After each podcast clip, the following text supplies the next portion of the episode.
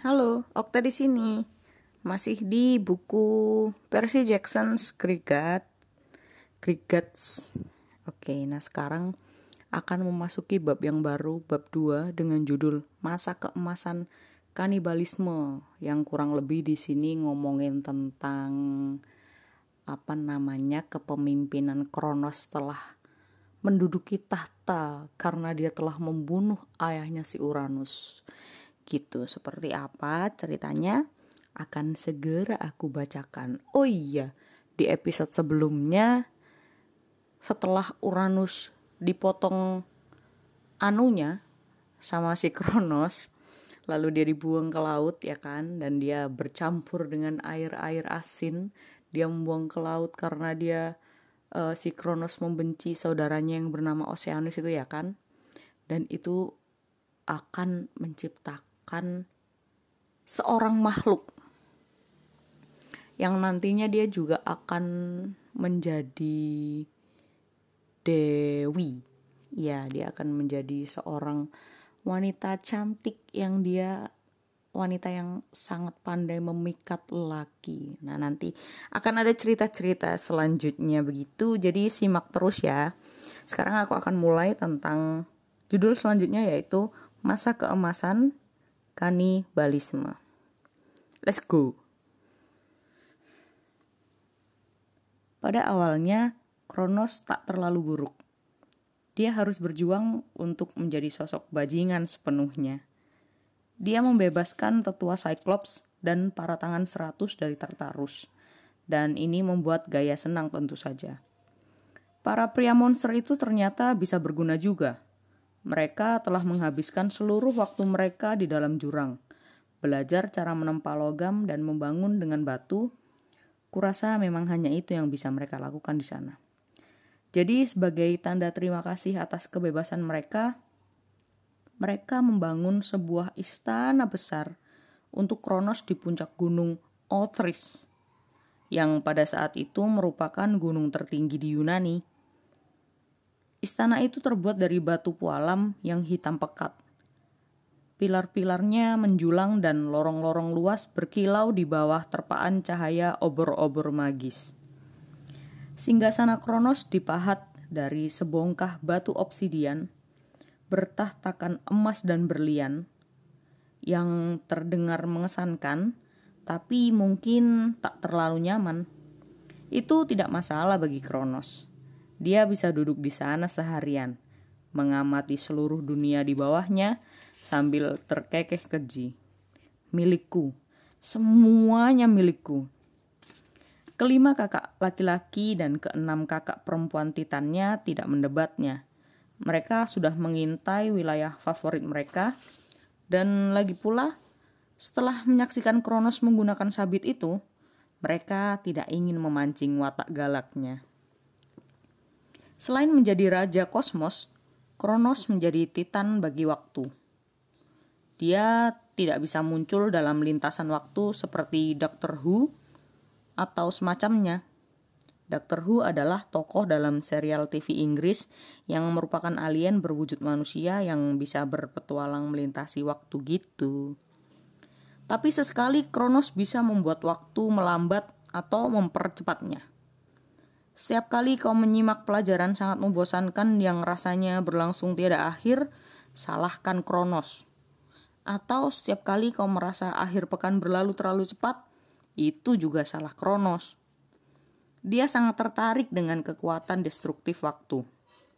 Sebagai makhluk abadi, dia terheran-heran sendiri menyaksikan betapa tahun-tahun yang singkat bisa berpengaruh besar bagi kehidupan fana.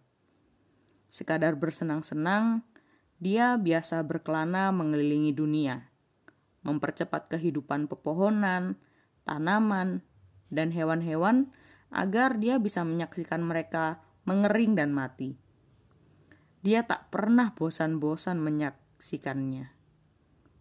Si psycho sih, sakit kronos ini emang. Oke lanjut. Sementara bagi kakak-kakaknya, keempat saudara yang membantu pembunuhan Uranus mendapat empat sudut bumi yang sebetulnya aneh mengingat bangsa Yunani mengira dunia merupakan sebentuk lingkaran besar dan rata seperti perisai. Jadi ia takkan memiliki sudut, tapi ya terserah lah ya. Krios menjadi Titan Selatan. Dia mengambil domba jantan sebagai simbolnya. Karena rasi bintang kambing jantan muncul di langit selatan. Baju zirah biru, lautnya dihiasi bintang-bintang. Tanduk kambing mencuat dari helmnya. Krios adalah tipe pendiam dan misterius. Dia biasa berdiri di bawah sana, di ujung selatan bumi, memandangi rasi bintang dan larut dalam pikiran terdalamnya. Atau barangkali dia hanya berpikir semestinya dirinya meminta pekerjaan yang lebih menarik. Koyos, Titan Utara, tinggal di ujung seberang dunia, ya itu jelas. Terkadang dia disebut Polus, karena dia mengendalikan kutub utara. Itu jauh sebelum Sinterklas pindah ke sana. Koyos juga merupakan titan pertama yang menerima karunia lama ah, sorry, karunia ramalan. Bahkan Koyos secara harfiah berarti pertanyaan. Dia akan bertanya tentang langit dan terkadang langit akan membisikkan jawaban. Menakutkan? Yap. Aku tak tahu jika dia mungkin sedang berkomunikasi dengan arwah Uranus tapi intipannya akan masa depan sangat berguna hingga para titan lain mulai mengajukan padanya pertanyaan-pertanyaan membara seperti akan seperti apa cuaca Sabtu depan? Apakah Kronos akan membunuhku hari ini? Apa sebaiknya aku kenakan untuk menghadiri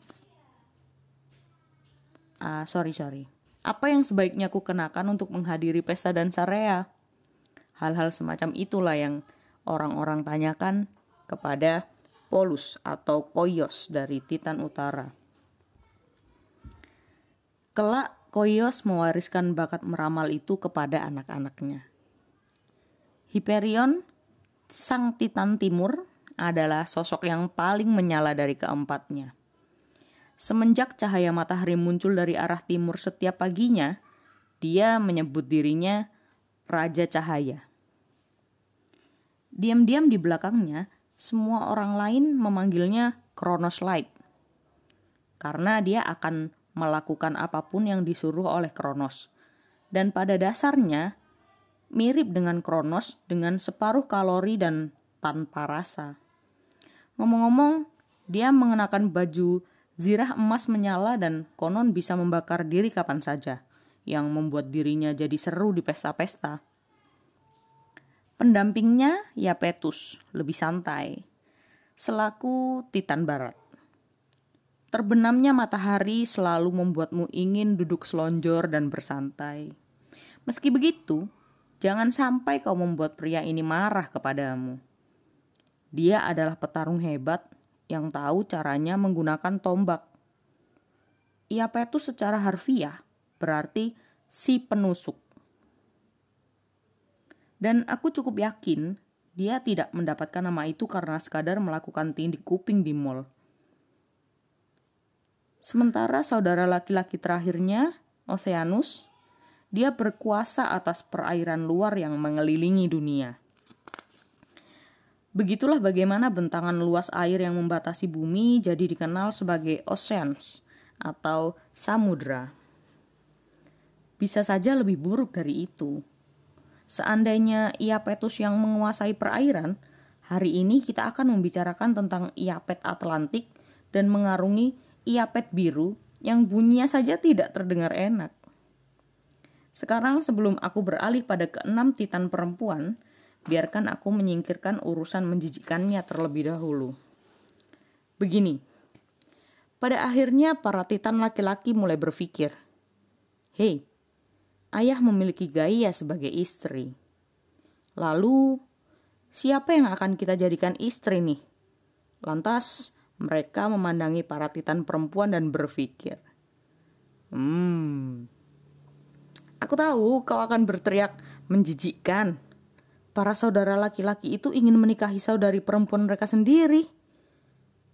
Ya, menurutku itu juga menjijikkan. Tapi begini masalahnya Para titan tidak memandang hubungan keluarga seperti cara pandang kita. Pertama-tama, seperti yang aku katakan sebelumnya, aturan berperilaku jauh lebih longgar pada saat itu. Selain itu, tidak ada banyak pilihan bila menyangkut calon pasangan. Kau tidak bisa memasuki situs titanmatch.com begitu saja dan menemukan belahan jiwamu yang sempurna. Atau Tinder mungkin ya. Yang terpenting, makhluk abadi memang berbeda dari manusia. Mereka hidup untuk selamanya. Kurang lebih seperti itu. Mereka memiliki kekuatan-kekuatan yang keren. Mereka memiliki Iker, alih-alih darah dan DNA, jadi mereka tidak mengkhawatirkan soal garis darah yang tak bercampur dengan baik. Karena itulah, mereka tak memandang masalah adik kakak seperti cara pandang kita. Kau dan gadis yang kau sukai mungkin saja terlahir dari ibu yang sama. Tapi begitu kau beranjak besar dan kalian berdua jadi dewasa, kau takkan secara otomatis menganggapnya sebagai saudarimu lagi. Itulah teoriku. Atau mungkin para titan itu cuma sinting. Kubiarkan kau sendirilah yang memutuskannya. Omong-omong, tidak semua saudara laki-laki itu menikahi semua saudara perempuan mereka. Tapi beginilah garis besarnya. Nah, oke cukup nih untuk yang episode sekarang banget ini. Sorry ya guys. Banyak banget itu tadi yang aduh kepotong-potong mana lagi ada suara motor ini sekarang ya Tuhan. Maafkan atas segala gangguan-gangguan yang ada. Semoga pembacaan cerita kali ini yang kepotong-potong dan banyak yang mengganggu tadi tidak mengganggu jalur cerita yang ingin disampaikan begitu ya nah nanti selanjutnya di episode kelima masih tentang bab 2 atau judul yang kedua yaitu masih tentang masa keemasan kanibalisme atau masih membicarakan tentang kepemimpinan si Kronos. Oke nantikan di episode selanjutnya. Thank you